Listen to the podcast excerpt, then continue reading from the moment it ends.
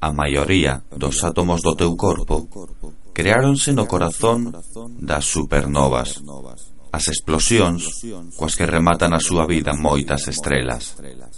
De aí vimos todos, somos, literalmente, po de estrelas.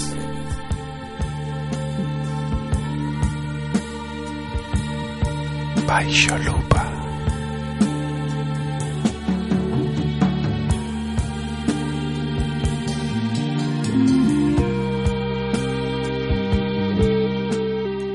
comprender o mundo que nos rodea é un excelente elixir mental contra a credulidade e o fanatismo. A ciencia moderna é, ademais, unha ferramenta sólida, útil, gratificante e divertida. Achéganos ideas e teorías sorprendentes sobre a natureza do cosmos que orixinou a vida no planeta Terra.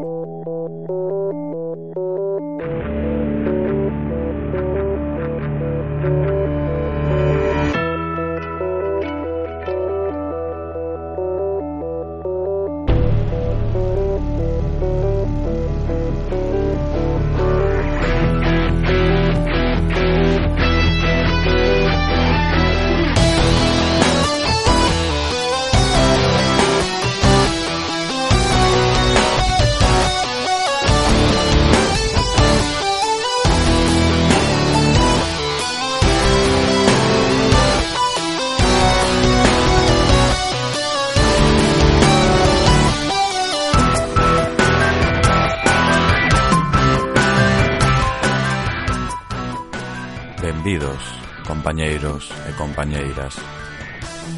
A nosa lupa fica quieta, estática e sorprendida sobre un libro, Po de Estrelas, escrito por Surso Mariño Alonso, que é biólogo e doutor en Ciencias Biolóxicas pola USC e ademais ten un máster en Neurociencia pola Universidade Internacional de Andalucía.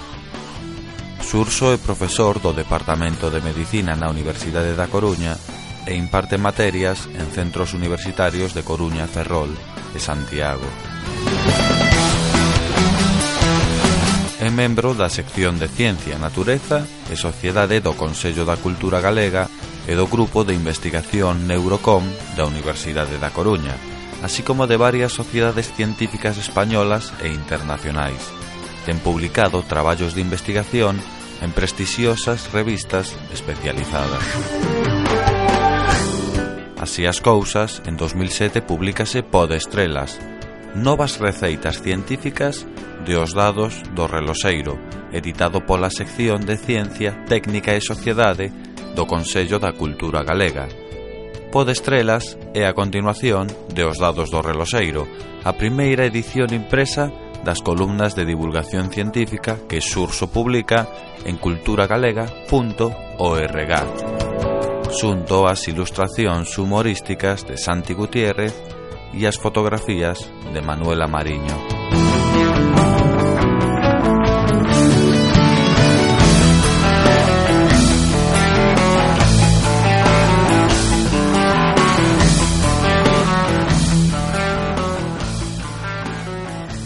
todas as mañás, cando vos despertades, acontece algo realmente sorprendente. A vosa mente consciente, o vosso eu xurde unha vez máis. Pensade que durante o sono profundo, cando estades dormindo, non existides, non hai ningún eu. Cando estades dormindo no sono profundo, non hai ninguna mente, ningún eu. Pero de algún xeito, misteriosamente, cando nos despertamos pola mañá, aparecemos unha vez máis.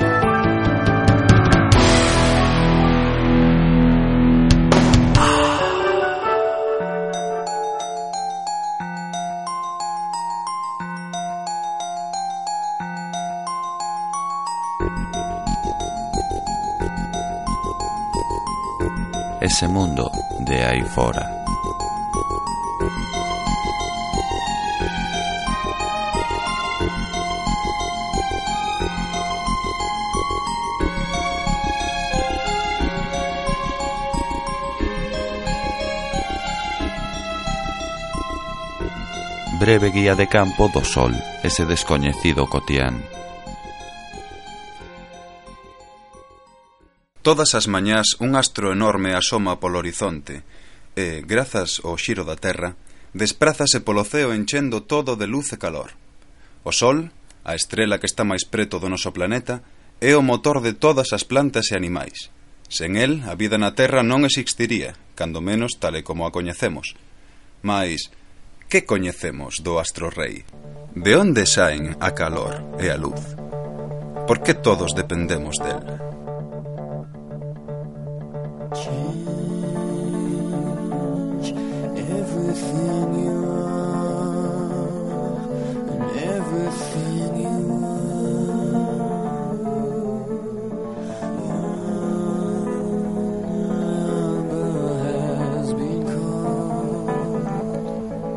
xa os exipcios, hai varios miles de anos, apreciaban a importancia do Sol, adorado como a un deus supremo ao que lle chamaban Ra.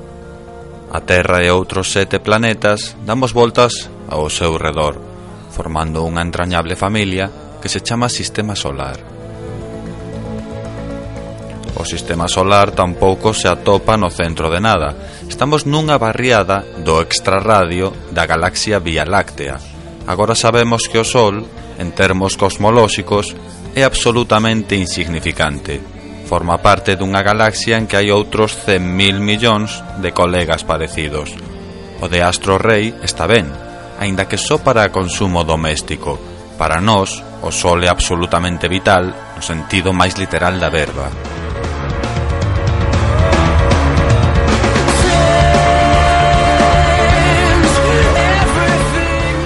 Sol é unha estrela común, formada basicamente por cantidades enormes de hidróxeno, un 95%, e tamén unhas chiscas de helio e elementos pesados.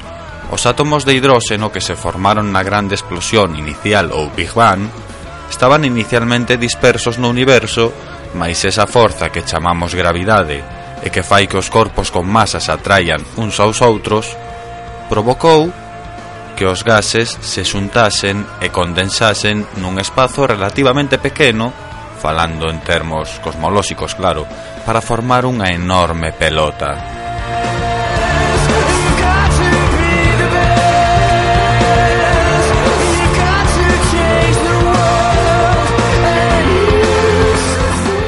ao xuntarse cantidades enormes de átomos de hidróxeno no interior da pelota aumenta moito a presión e tamén a temperatura, xa que as partículas tropezan unhas coas outras con moita frecuencia. De feito, as condicións de temperatura da nosa estrela son difíciles de imaginar, uns 15 millóns de graus no interior e uns 600 graus na superficie, un excelente forno para cocer átomos e fabricar novos elementos, porque iso é o que está a acontecer no Sol. Os átomos de hidróxeno se combinan entre sí para formar helio e outros elementos máis complexos.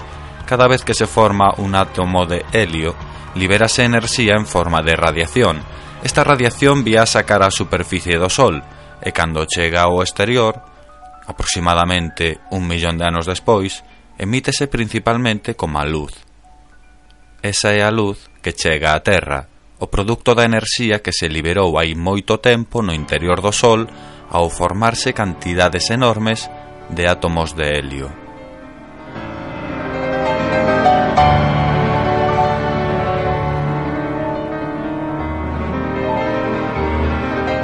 A maioría dos átomos son entidades físicas tremendamente estables, formados por un núcleo con protóns e neutróns e unha parte externa na que reboan os electróns. As propiedades características de cada tipo de átomo ou xesa de cada elemento veñen determinadas polo número de protóns que hai no núcleo. Por exemplo, o hidróxeno ten un núcleo cun só protón, o helio ten dous protóns, os átomos con seis protóns chamámoslles carbono, e os que teñen sete protóns, nitróxeno, e así sucesivamente como reflicte a táboa periódica. Ao número de protóns chamaselle número atómico. Se xuntamos dous protóns e dous, e dous neutróns, podemos formar un átomo de helio, e con tres átomos de helio fabricaríamos carbono. En principio calquera sustancia pode converterse en calquera outra simplemente modificando o número de partículas que hai no núcleo. O ouro, por exemplo, é o átomo que ten 79 protóns. Vai a chollo, mais a cousa non é tan doada. Para rincar ou incluir un protón no núcleo dun deses elementos, é preciso vencer unhas forzas enormes que son as que manteñen as partículas íntimamente unidas, unha especie de superglue cunha forza descomunal.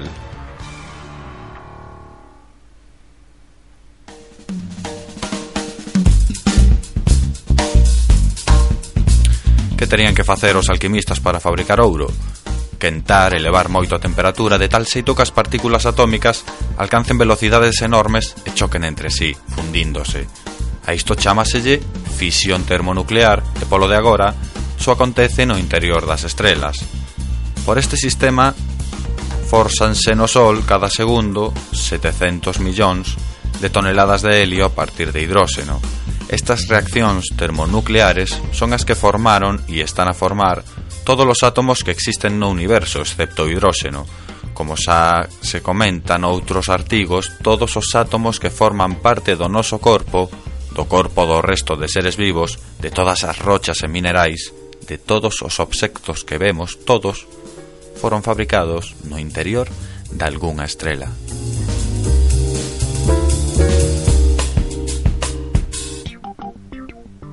Hai ten que científicos se decataron de que a enerxía que se libera coa fusión nuclear pode ser moi útil para unha sociedade como a nosa, tremendamente necesitada de fontes alternativas que sustitúan aos contaminantes e limitados hidrocarburos. O problema é moi complicado alcanzar na Terra as condicións necesarias, 15 millóns de graus. Na actualidade está en proxecto a construción do primeiro reactor de fusión termonuclear, o chamado ITER, levará tempo poñelo en marcha e comprobar se é posible obter enerxía a partir del. De conseguirse os seres humanos teríamos por primeira vez un pequeno sol artificial nas nosas mans, o sono dos alquimistas feito realidade. A parte da fusión, tamén hai a posibilidade de facer átomos novos ao revés, rompendo núcleos pesados noutros máis simple, máis simples, nun proceso que se chama fisión. Se a fusión é unha construcción, a fisión sería unha especie de deconstrucción. Na fisión de elementos moi pesados, tamén se libera enerxía e ademais este proceso pode levarse á práctica na Terra con máis facilidade que a fusión. Os seres humanos hai tempo que facemos as centrais nucleares e as bombas atómicas obteñen enerxía a partir da fisión de átomos de uranio ou plutonio. É posible que no futuro teñamos enerxía de fusión. Esperemos que imitar a Ra non traia tantos desastres como os que se derivan da fisión nuclear.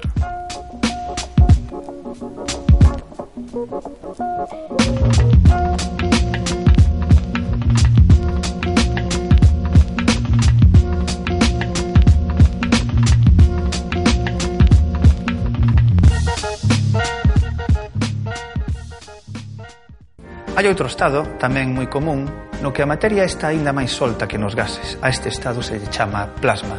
É unha especie de gas quente polo que circulan electróns. Os tubos fluorescentes... Desde finales de 1940, los científicos de muchos países intentaron esclarecer las propiedades del plasma. Sin embargo, los resultados de los experimentos no fueron muy prometedores.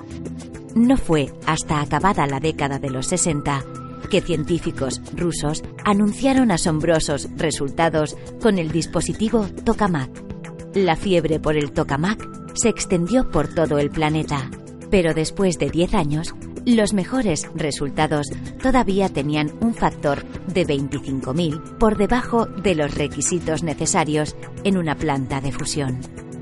Pero entonces se realiza el experimento europeo JET en Gran Bretaña. En 1997, los científicos obtienen resultados con factor 6, cercano al estado de ignición del plasma. Por primera vez, el fuego solar estaba al alcance de la mano. En el año 2007 comenzó en Cadarache, Francia, la construcción del hasta entonces más grande experimento en la historia de la investigación sobre la fusión. Junto a Europa, Rusia, Japón y Norteamérica colaboran en el proyecto China, India y Corea del Sur. El reactor de pruebas debería mostrar que es física y técnicamente posible obtener energía del proceso de fusión. Por primera vez se evaluaron las tecnologías esenciales en las centrales de fusión en ITER. 800 metros cúbicos de plasma ardiente sirven para generar 500 megavatios de potencia, 10 veces más de lo que era necesario para calentar el plasma. O Sol é a fonte de enerxía para a vida na Terra. A historia do planeta está profundamente ligada ao da estrela que nos quenta e ilumina, e tamén o seu destino.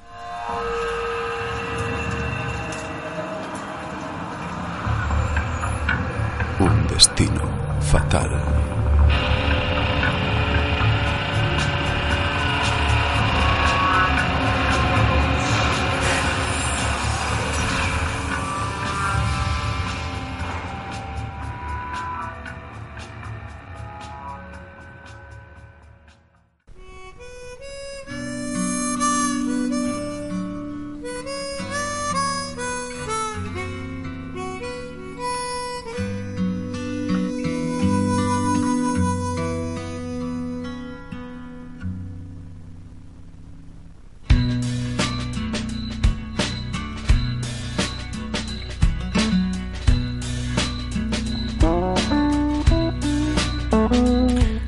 Así como coñecemos moitas cousas da evolución biolóxica, tamén temos moita, moita información sobre unha evolución a maior escala, tanto no tempo como no espazo, a evolución do universo. Pois sí, o universo evoluciona. Continuamente hai estrelas que nacen, outras que morren, e outras que se atopan nalgúnha etapa intermedia da súa existencia,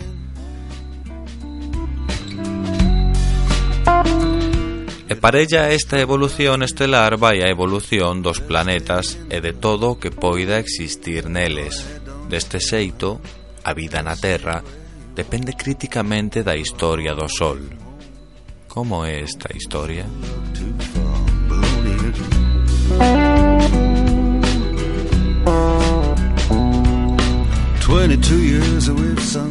O Sol formouse hai uns 5.000 millóns de anos, debido á acumulación de pó e gas por efecto da gravidade.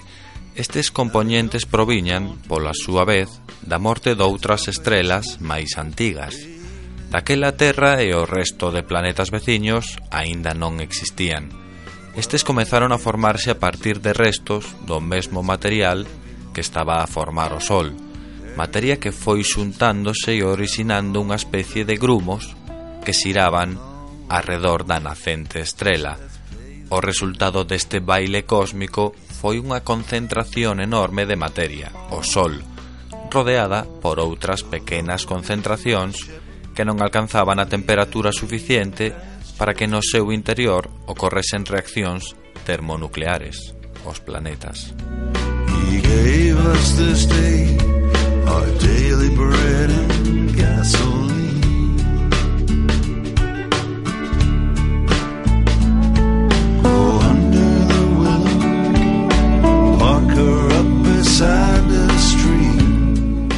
Nestes últimos 5.000 millóns de anos pasaron moitas cousas. O feito de que os planetas sexan fríos permitiu, en concreto na Terra, a aparición de seres vivos.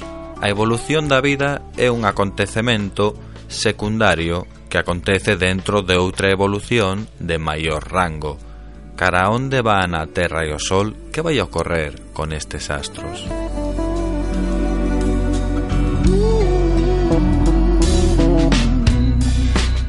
Ao Sol vaille pasar o mesmo que lles acontece a todas as estrelas de características similares.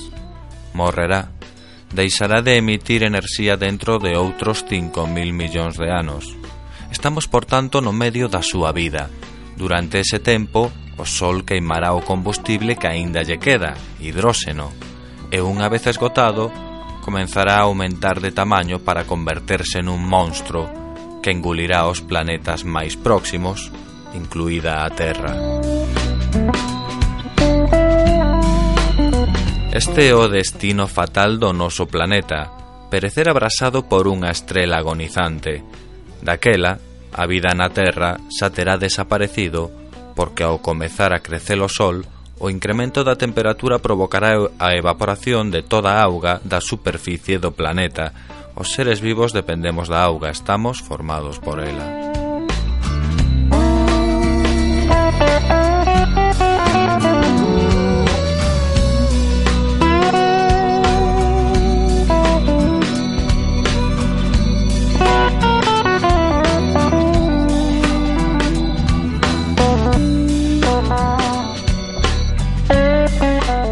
Mais sigamos coa estrela, co sol.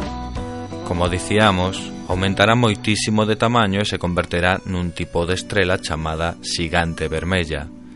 Este incremento de volume é debido a un cambio no proceso de fusión do hidróxeno. Inicialmente ocorre no núcleo que está no centro, mais agora comeza a producirse nas capas máis externas, as cales se expanden debido ao aumento de presión. A continuación o Sol, o bo que quede del, expulsará ao exterior gran cantidade de materia e originará unha nebulosa. No interior, o núcleo pasará a ser unha pequena esfera pouco maior que a Terra actual, e a este tipo de estrelas se lle chaman ananas brancas. O noso Sol, transformado agora nunha anana branca, irá apagándose pouco a pouco até converterse nun montón de cinzas.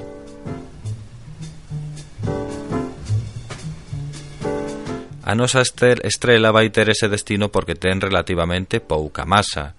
Hai outros astros máis masivos que rematan a súa existencia estoupando, orixinando as chamadas supernovas. Algunhas destas supernovas dan lugar a unhas estrelas que emiten enerxía de maneira rítmica. Son as estrelas de neutróns ou pulsars. Outras, as supernovas de moitísima masa, rematan como buracos negros, estrelas cun campo gravitatorio tan intenso que é capaz de atrapar ata a luz. Mais as estrelas son como o ave fénix e volven surdir das súas cinzas. A materia que é emitida ao espazo polos astros agonizantes pode volver a xuntarse por efecto da gravidade, para orixinar novas estrelas e planetas. De feito, os científicos consideran que o Sol é unha estrela de terceira xeración, contando desde o Big Bang.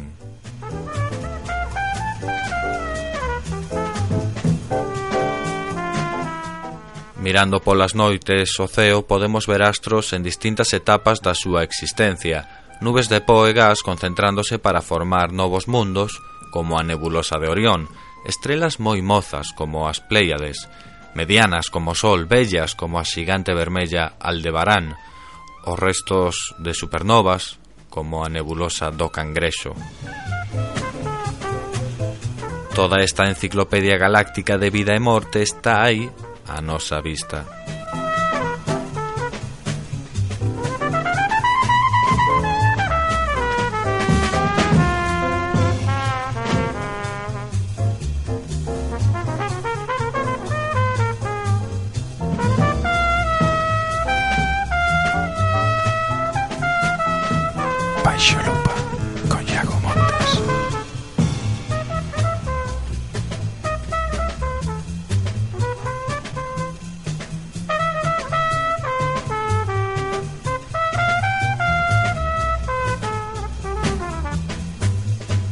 El incremento de la temperatura acelerará la destrucción de la atmósfera del dióxido de carbono que las plantas necesitan para sobrevivir. Las plantas desaparecerán del planeta, así como cuanto se alimenta de ellas. El calor que nos dio la vida será tan fuerte que matará la rica diversidad de la Tierra. Cuando desaparezcan las plantas, la cantidad de oxígeno que producen se reducirá hasta desaparecer también, pero los humanos probablemente sobrevivirán hasta esa fase. Las personas son animales muy adaptables y resistentes, y es probable que se conviertan en los últimos animales del planeta. Los científicos no se ponen de acuerdo en la fecha exacta en la que desaparecerá la raza humana. Pero dentro de mil millones de años, a las 11 y 30 horas en nuestro disco solar, coinciden en que la temperatura media será de unos 71 grados. El calor del día nos mataría. Si seguimos vivos, tendríamos que vivir bajo tierra y salir solo de noche.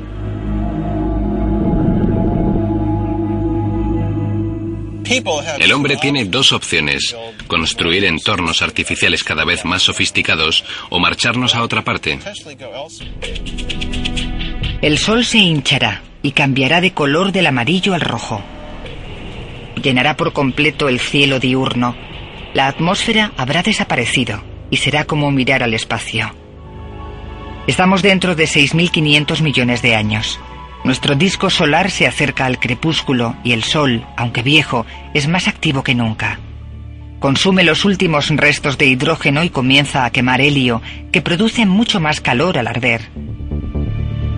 La energía que genera el núcleo recalentado del Sol empujará hacia afuera las capas exteriores del Sol y lo hará cada vez más grande.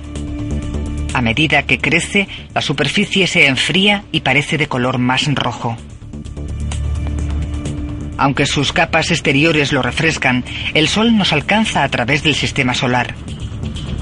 Es como acercarse cada vez más al fuego y la Tierra cada vez siente más calor.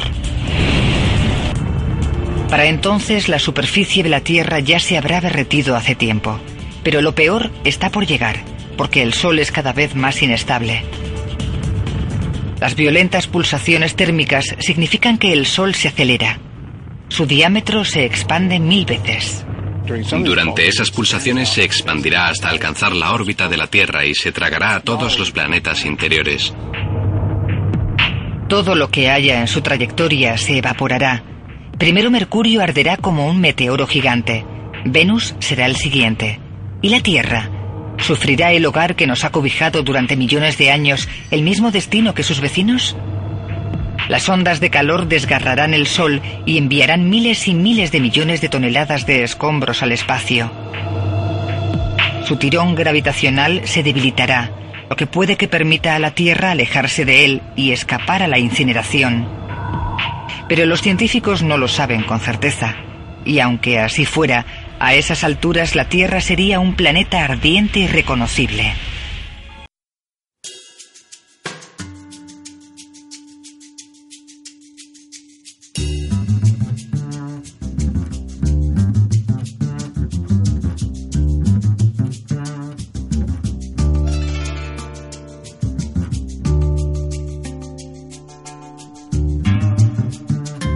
Primeiras impresións dunha correspondente nun mundo novo.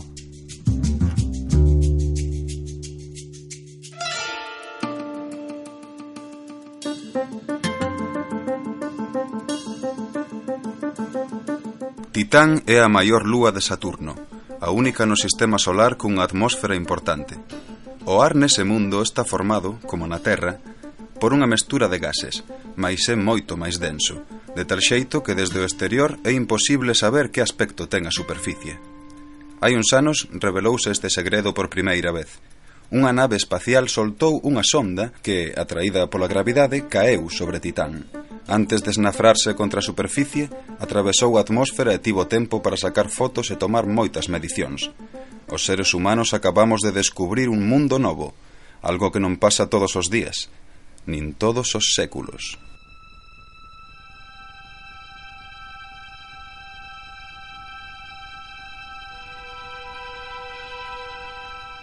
No ano 1655, o físico holandés Christian Huygens descubriu Titán, un corpo brillante de cor amarela vermella situado a un 1600 millóns de quilómetros de nós.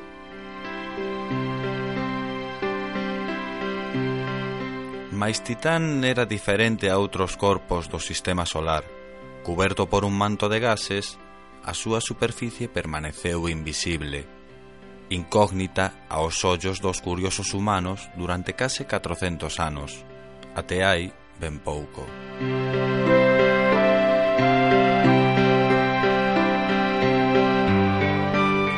O 25 de decembro de 2004, a nave espacial Cassini, que se atopaba sobre Titán, logo dunha viaxe de sete anos, como resultado dun proxecto que levou 20 anos planificar, soltou unha sonda da ESA, da Axencia Espacial Europea, de nome Huygens, co obxectivo de explorar a misteriosa lúa de Saturno.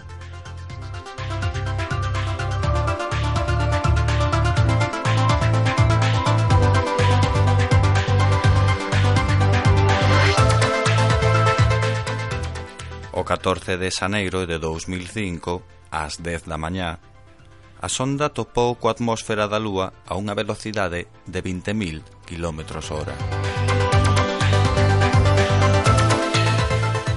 Isto elevou a temperatura da superficie protectora da sonda ata os 1600 graus e freou o aparato ata uns 1800 km hora.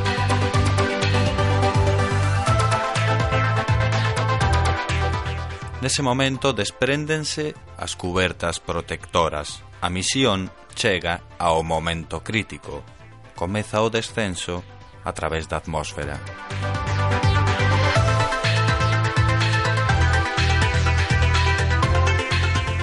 Como será o mundo que comeza a aparecer a través dos ollos do vidro da sonda, os científicos súan, tremen, teñen os ollos pegaos nos monitores.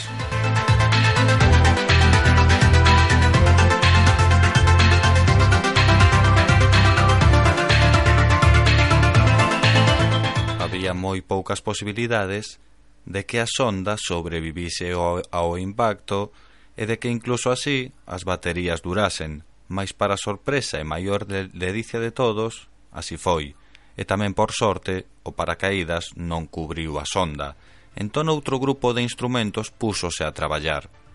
As presas eran nese momento moito maiores, Non se sabía canto poderían durar as pilas e ademais a nave Cassini pronto desaparecería no horizonte e non podería recibir ningún dato. As cámaras tomaron fotos, o espectrómetro analizou gases e unha sonda, chamada penetrómetro, introduciuse na superficie. As pilas duraron 70 minutos.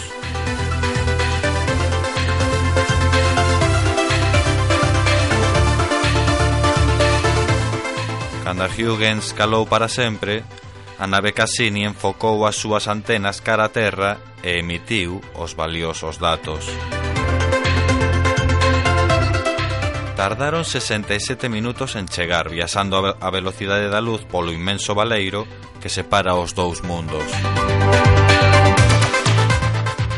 Tres potentes antenas situadas en California, Madrid e Canberra foron as encargadas de recibir a información.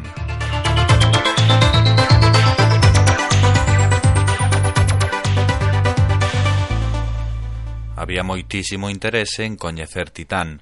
Os científicos creen que pode ser similar a como era a Terra no comezo da súa existencia. Sabíase que en Titán hai sustancias químicas en moléculas, hidrocarburos, nitrilos, parecidas ás moléculas orgánicas da Terra, parecidas ás moléculas da vida.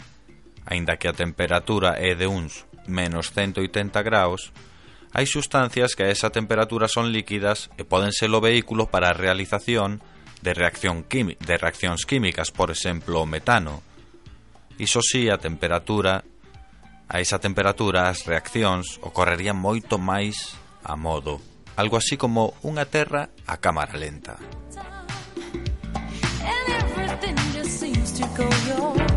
As fotos tomadas durante o descenso mostran canais que se xuntan e desembocan nunha rexión máis escura, aínda que parece que todas esas estructuras estaban secas no momento da exploración, os canais poden estar formados por ríos de metano e etano líquido, e as rexións escuras poderían formar auténticos lagos ou océanos.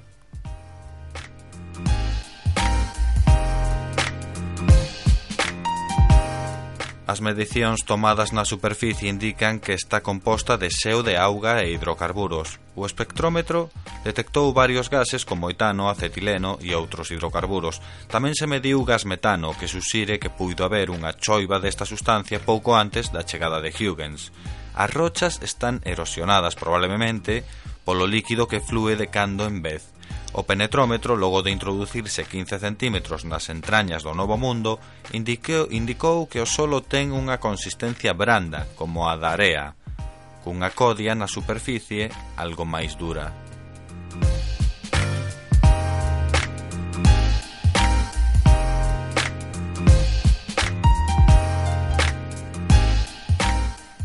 De momento non se encontrou ningunha evidencia de vida, mais a existencia de evaporación, nubes, choiva e ríos é un caldo de cultivo estupendo para o desenvolvemento de moléculas orgánicas complexas. É moi probable que calquera forma de vida precise dun medio líquido para facilitar o transporte de moléculas e a súa interacción. Mares e ríos de hidrocarburos son tan válidos para a vida como os mares e ríos de auga que hai na Terra. Unha vida moi distinta, por suposto.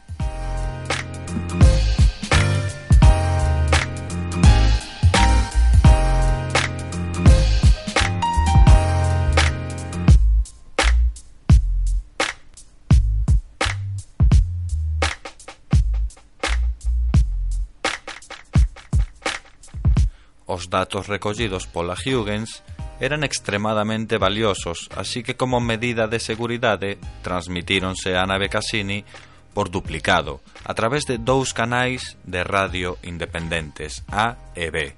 Así e todo, o equipo da ESA encargado das fotografías decidiu arriscar e en vez de enviar a mesma foto dúas veces, utilizaron os dous canais para enviar fotos distintas. Deste xeito conseguirían recibir susto o dobre de imágenes.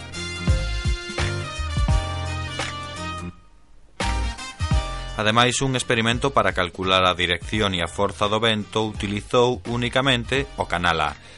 Mais algo fallou e o receptor da Cassini do canal A nunca recibiu a orde de activarse. Os sinais emitidos pola Huygens pasaron a carón dunha Cassini cega e perdéronse no espazo. Menos mal que foron previsores.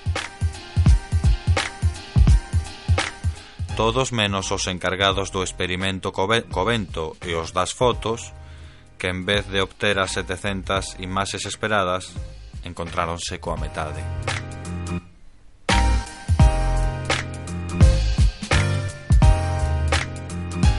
Mais nin así se dan os científicos por vencidos. A emisión de radio da Huygens era de pouca intensidade, similar a dun teléfono móvil, mais tamén chegou ata terra, tamén a do canal A, aínda que como un sinal extremadamente débil, tan débil como o sinal do teu teléfono móvil que pode ser captada en Titán.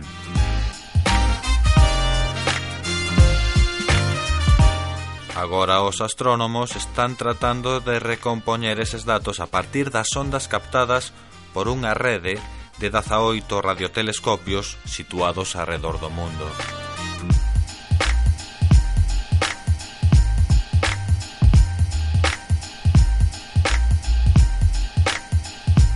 O coñecemento que temos xose sobre Titán é un bosquexo, producto de botar unha ollada algo apresurada ao correo enviado pola nave Cassini.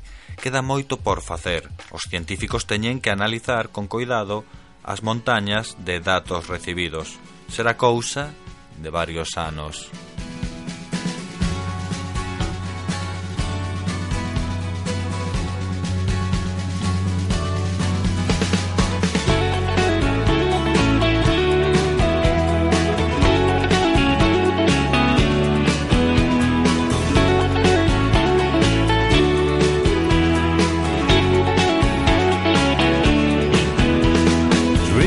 Things are spilling out, and staggering in the square.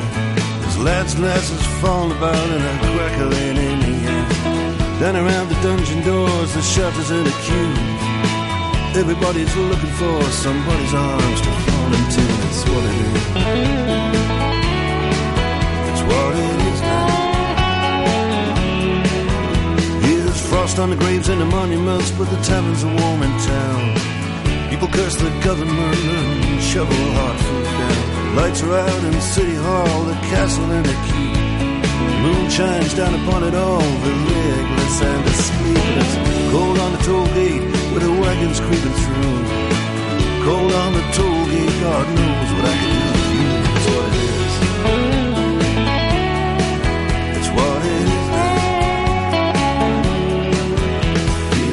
now. Sleeps in the citadel with the ghosts and the ancient stones. High on the parapet, a Scottish piper stands alone. High on the wind, the Highland runs speaking a roll. Something from the past just comes and stares into my soul. Cold on the toll gate with a Caledonian blue. Cold on the toll gate, God knows what I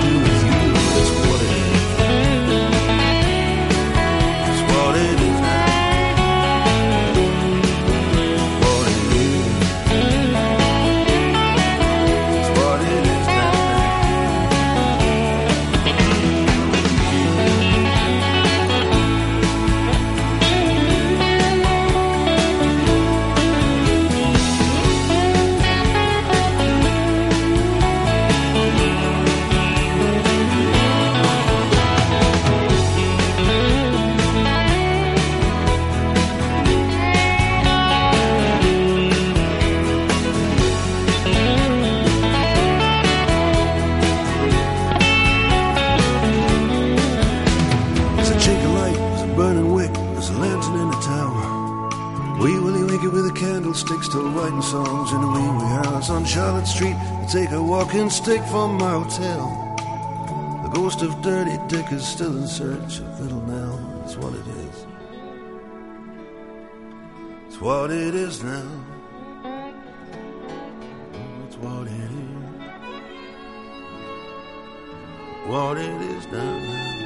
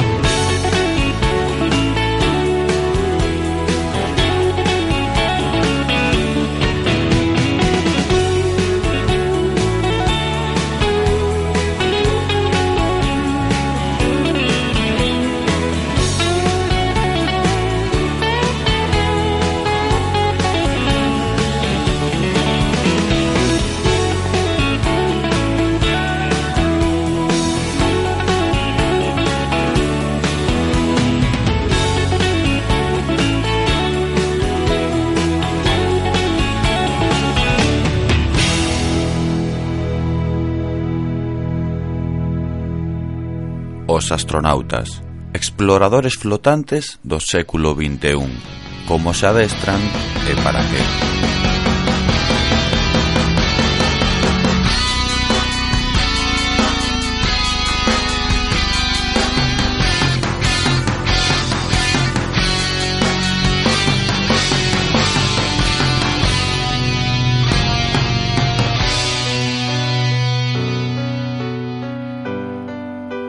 traballo de astronauta é fascinante, perigoso e tamén moi escaso. En toda a historia da humanidade só un fato de persoas cunha capacidade e preparación extraordinarias foron e son tripulantes de naves espaciais. Na actualidade, a Estación Espacial Internacional é un lugar do cosmos habitado permanentemente por seres humanos. Como é a vida en órbita destes exploradores do século XXI?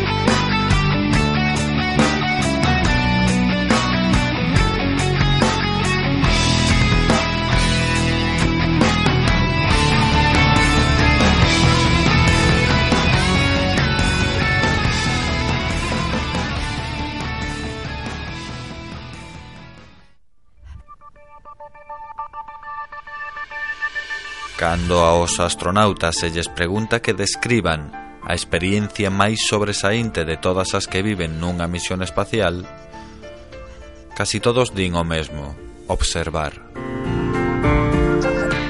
Aínda que cesa por uns segundos a Terra.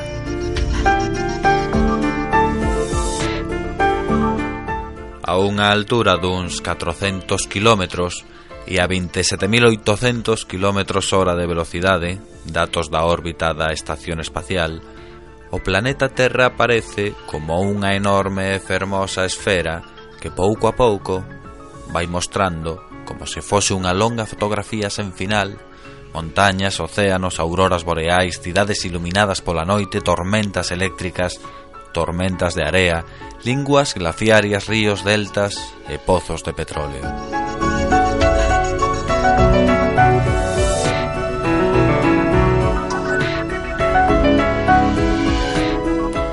No libro titulado Odisea dun astronauta de Joseph Allen, un dos primeiros astronautas en voar na lanzadeira espacial, describe a, indescri a indescrible sensación de observar a Terra desde o espazo, a unha velocidade que permite dar unha volta inteira cada 90 minutos, un amanecer e unha posta de sol cada hora e media.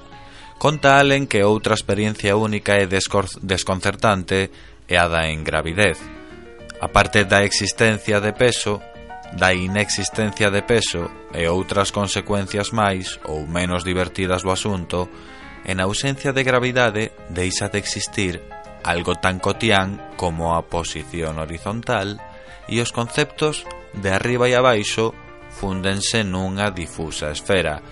Os receptores de equilibrio do cerebro indican que se está continuamente en posición vertical, algo que é un reto para a estabilidade psíquica dos viaxeiros espaciais que poden pasar así seis meses.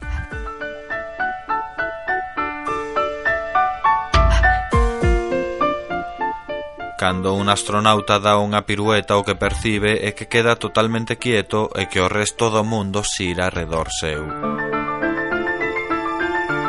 Outra consecuencia desta verticalidade perpetua é que non precisa dun sitio específico para dormir, o que fai é agarrarse, con velcro, por exemplo, a calquera parede da nave e pechar os ollos. Se nos quedamos dormidos na terra, por exemplo sentados nun autobús, a cabeza cae bruscamente a un lado, pegamos unha cabezada e espertamos de novo, Mais iso non acontece no espazo. A cabeza non cae para ningún lado e un astronauta cansado pode quedar dormido en plena faena sen darse conta.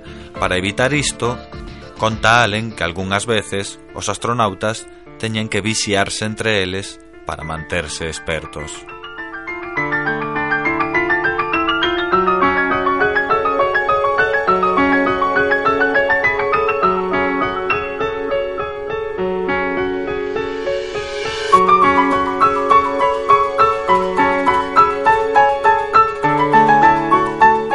Antes de voar fora das garras da superficie terrestre, os astronautas candidatos pasan varios anos de exhaustivo adestramento.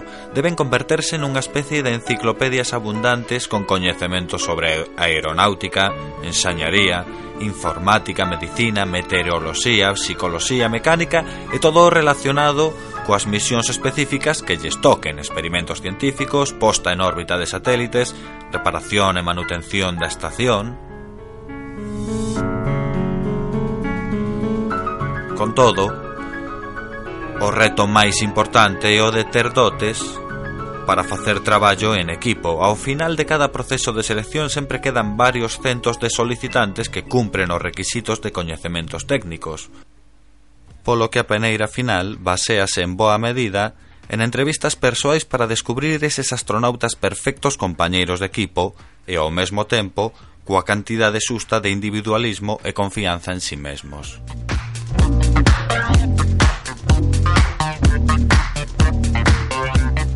Cando se lles pregunta cal foi a parte do adestramento que máis lles gustou, case todos din o mesmo, as sesións de mergullo, Todos os candidatos deben completar adestramento de supervivencia na auga e converterse en mergulladores cualificados, pois tan, par, tan gran parte da aprendizaxe das actividades que teñen que facer no espazo lévase a cabo nun enorme tanque de auga que simula a ausencia de peso.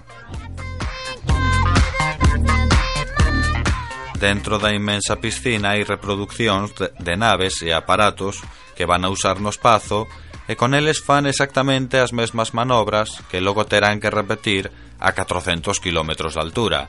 Excepto o ruido e as vibracións do despegamento, todo o demais é duplicado e adestrado con precisión na Terra. Mm, case todo.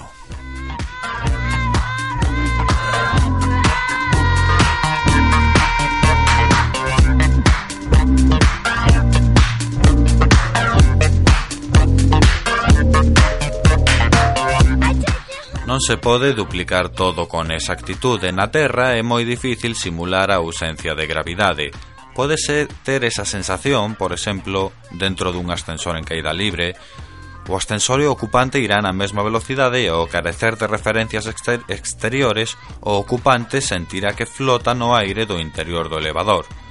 O malo é o chegar ao final do percorrido.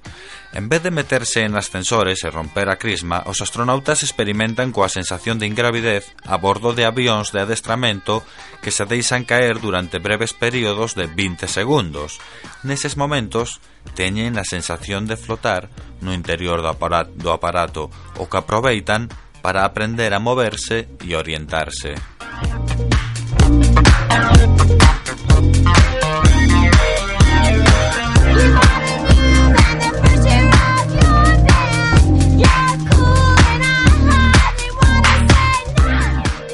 tempo medio de voo das lanzadeiras espaciais é de dúas semanas e media. Outra cousa son as misións na Estación Espacial, onde os astronautas pasan tempadas de 6 a 9 meses. A xornada habitual dun astronauta é de 16 horas, aínda que teñen que estar localizables ás 24 horas. Os traballos da tripulación das lanzadeiras espaciais inclúen realizar experimentos científicos, montar a estación e manter a propia lanzadeira. Tamén realizan misións que consisten en liberación, captura ou reparación de satélites. Na estación espacial, o traballo principal da tripulación é realizar investigacións científicas, experimentos médicos. Levan a cabo experimentos con eles mesmos e de forma rutinaria toman mostras de sangre e as analizan e manteñen tamén a propia estación. Isto último é un traballo intenso, xa que hai que comprobar todos os sistemas constantemente, manter a presión a calidade do aire, limpar os filtros, actualizar os sistemas informáticos. É como vivir nunha casa coche que en vez que na que, na que eres fontaneiro, electricista, mecánico, carpinteiro, médico e ademais investigador científico.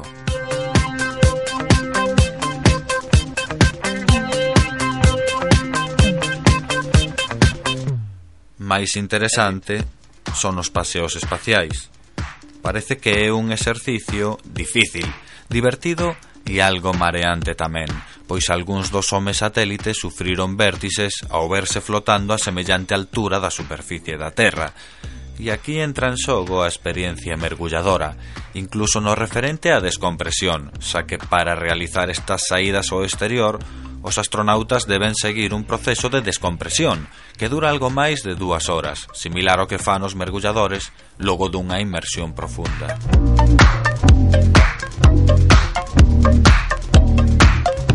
Isto faise para evitar a formación de burbullas de nitróxeno nos tecidos e no sangue, fenómeno que pode chegar a ser fatal para un ser humano en, seme en semellantes condicións de desamparo.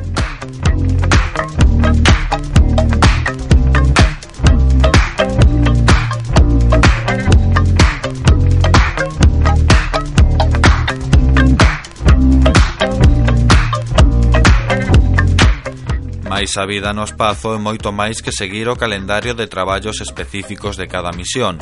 Os astronautas teñen que tratar de facer unha vida normal, algo que resulta bastante difícil a bordo dunha cápsula de metal que flota no espazo. Igual que aquí abaixo, teñen que respirar, comer, chamar por teléfono a casa, asearse, dormir...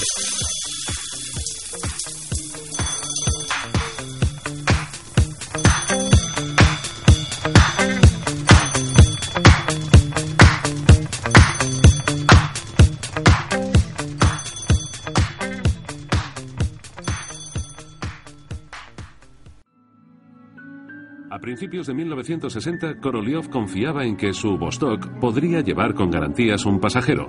Era el momento de enviar un hombre al espacio. La nave espacial Vostok consistía en dos módulos. La cápsula de reentrada, una esfera con un diámetro de dos metros y medio, con un asiento eyector y un módulo de mando que sería lanzado antes de la reentrada. Todos los controles principales eran automáticos o controlados desde tierra y solo en caso de emergencia el astronauta asumiría el control manual.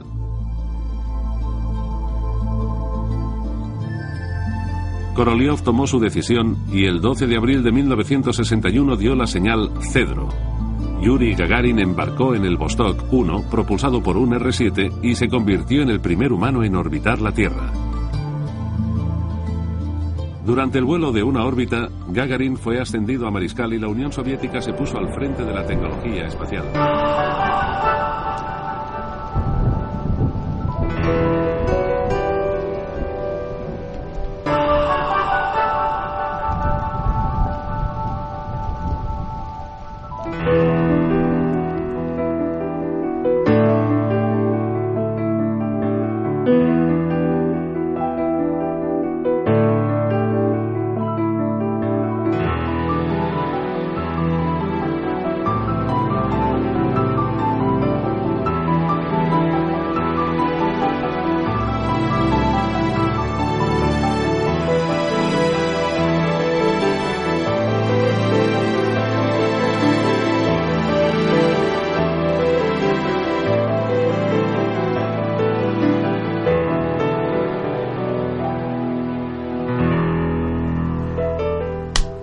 chegou o momento de que deixemos de ler xuntos este fermoso libro Po de Estrelas de Surso Mariño Alfonso.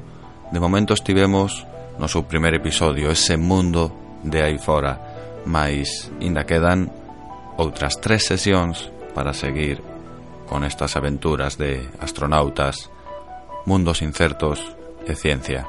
Ata seguinte.